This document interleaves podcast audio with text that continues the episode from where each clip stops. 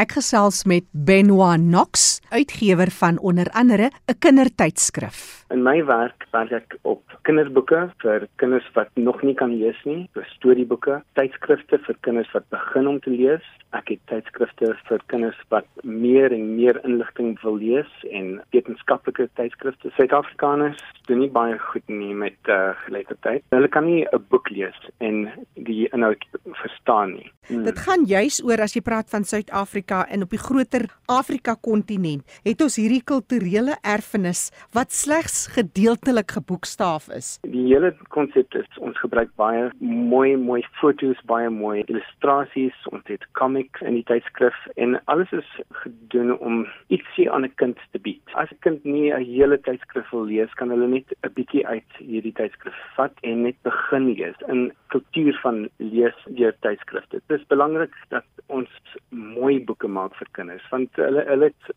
akses tot baie baie dinge op die uh, internet, maar as dit kom by boeke is dit nog steeds die ou vorm van 'n boek. Dit kos baie om boeke te koop, maar daar is uh, biblioteke, baie goeie biblioteke. Dit is iets wat mense uh, uh, toegang aan het. Daar is ook in elke land, in Engeland, in Italië en Frankryk, het hulle ook dieselfde probleem van mense wat kan lees maar nie wil lees nie. Hmm. En uh, op die einde het daar is daar ook baie groot populasies wat nie kan lees nie. En dit veroorsaak dat daar probleme is in 'n lande ook met mense wat hulle toegang aan inligting maar hulle wil nie skool toe gaan nie. Dit wat ons elke dag oor, oor praat in ons kantoor. Hoe kan ons boeke maak wat mense 'n waarde in sien en wil koop?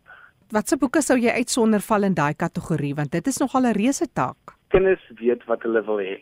'n Kind wat alles het in Suid-Afrika wat 'n uh, tablet het, wat akses tot die internet het, hierdie kind moet waarde sien in die boek hierdie kind wil iets hê wat hulle vermaak. Dis dieselfde vir 'n kind wat niks het. Buite speel in die dag wat sokker gaan speel, miskien niks anders vermaak het. As jy vir hom of haar 'n boek bied wat hierdie waarde vir hulle gee, gaan hulle dit lees en hulle gaan dit wil hê. Dis wat ons probeer doen. Benoit Knox is die uitgewer by Brisa Publikasie en is juis by die publikasie waar Christo Reits bestuurder is. Christo, dis 'n reuse taak, die hele ding van geletterdheid. Dis geletterdheidsdag met 'n tema wêreldwyd verander die geletterdheidsomgewing. En jy gaan soek wyd en verder as net Suid-Afrika of Afrika om te kyk na innoverende maniere om geletterdheid verder 'n hupstoot te gee. Ons probeer gereeld by Frankfurt Boekeskou uitkom, die internasionale boekeskou wat natuurlik die grootste in die wêreld is. En by die geleentheid sien mense natuurlik allerlei nuwe dinge wat plaasvind. En so het ons 'n klomp jaar terug 'n uh, wel tegnologie gesien wat ons verbind het met boeke om 'n uh, uh, klanke uit 'n boek uit te haal en eintlik dan weer te gee. En ons het dit in 'n vorm van 'n voorboek gedoen. Wanneer dit nou kom by geletterdheid en by leer lees of leer taal, dan is dit juis wat ons probeer doen met met een van die laaste publikasies wat ons gedoen het wat ons hierdie selfde tegnologie gebruik het. Ons noem hom die klankleser. Dit is 'n elektroniese pen wat met batterye werk. Hy het nie allerlei internet en bluetooth en allerlei dinge nodig nie.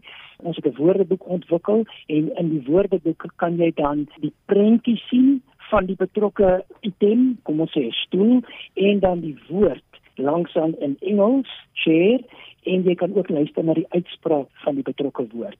Ons het dit verder gevoer deur dan ook dit in verskillende tale te doen. Jy sien en jy hoor en jy leer.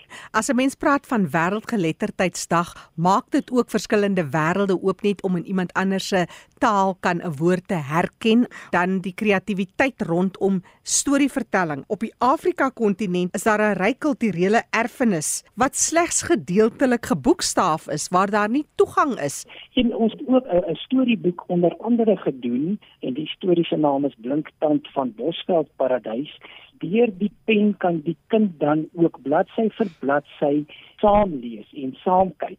Tereg soos jy gesê het, ons het ook die woordeboek in ander tale vertaal wat beteken alhoewel die woord miskien in Engels daar staan, kan jy na die Noord-Sotho woord luister of na die isiZulu woord luister, groetforme en dis meer. Die hele gedagte was juis om brûe te bou tussen ons verskillende kulture in Suid-Afrika en die wêreld om jou, sodat jy ten minste met mense kan probeer praat ook in hulle eie taal rondom jou en mense nuuskierig maak hoe 'n ander taal klink. Op 'n stadium het mense nogal redelik gedink dat e-boeke dinge gaan oorneem, maar steeds het ons gevind dat boeke steeds relevant bly. Mense het baie meer aanlyn beginne dinge doen as ek spesifiek kyk na aanlyn verkope byvoorbeeld van boeke.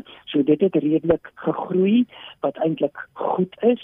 Christo daar's 'n ander interessantheid. Dis erfenismaand dit gaan oor een van die santale. Daar's net een vlot spreker oor en nou, saam met die Afrikaanse Taalraad en die regering, gaan julle help om dit te boekstaaf. Die interessante ding van nou waarmee ons besig is. Die Suid-Afrikaanse Taalraad het ons genader om om met ouma Katrien saam te werk en ons is besig ons het woordelyste tans gekry van die nuwe taal en sy gaan dit opneem en ons gaan binnekort afspraak met haar maak sodat sy eintlik die uitsprake om die taal te bewaar vir die toekoms.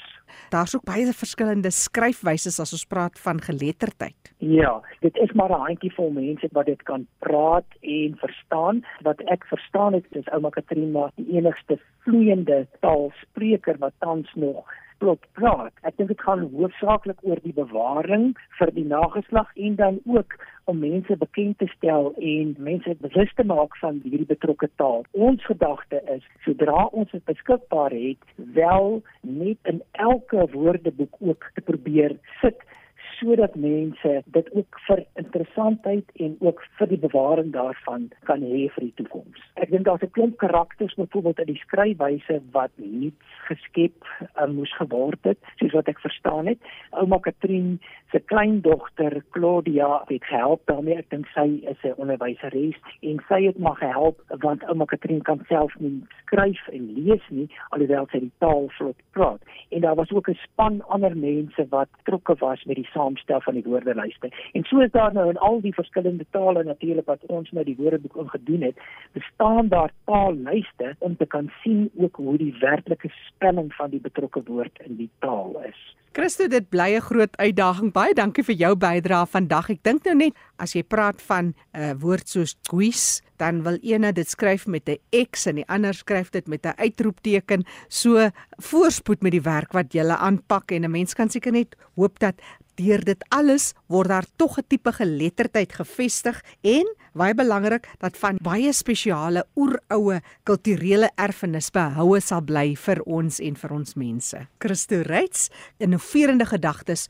om erfenis en terselfdertyd geletterdheid te bevorder.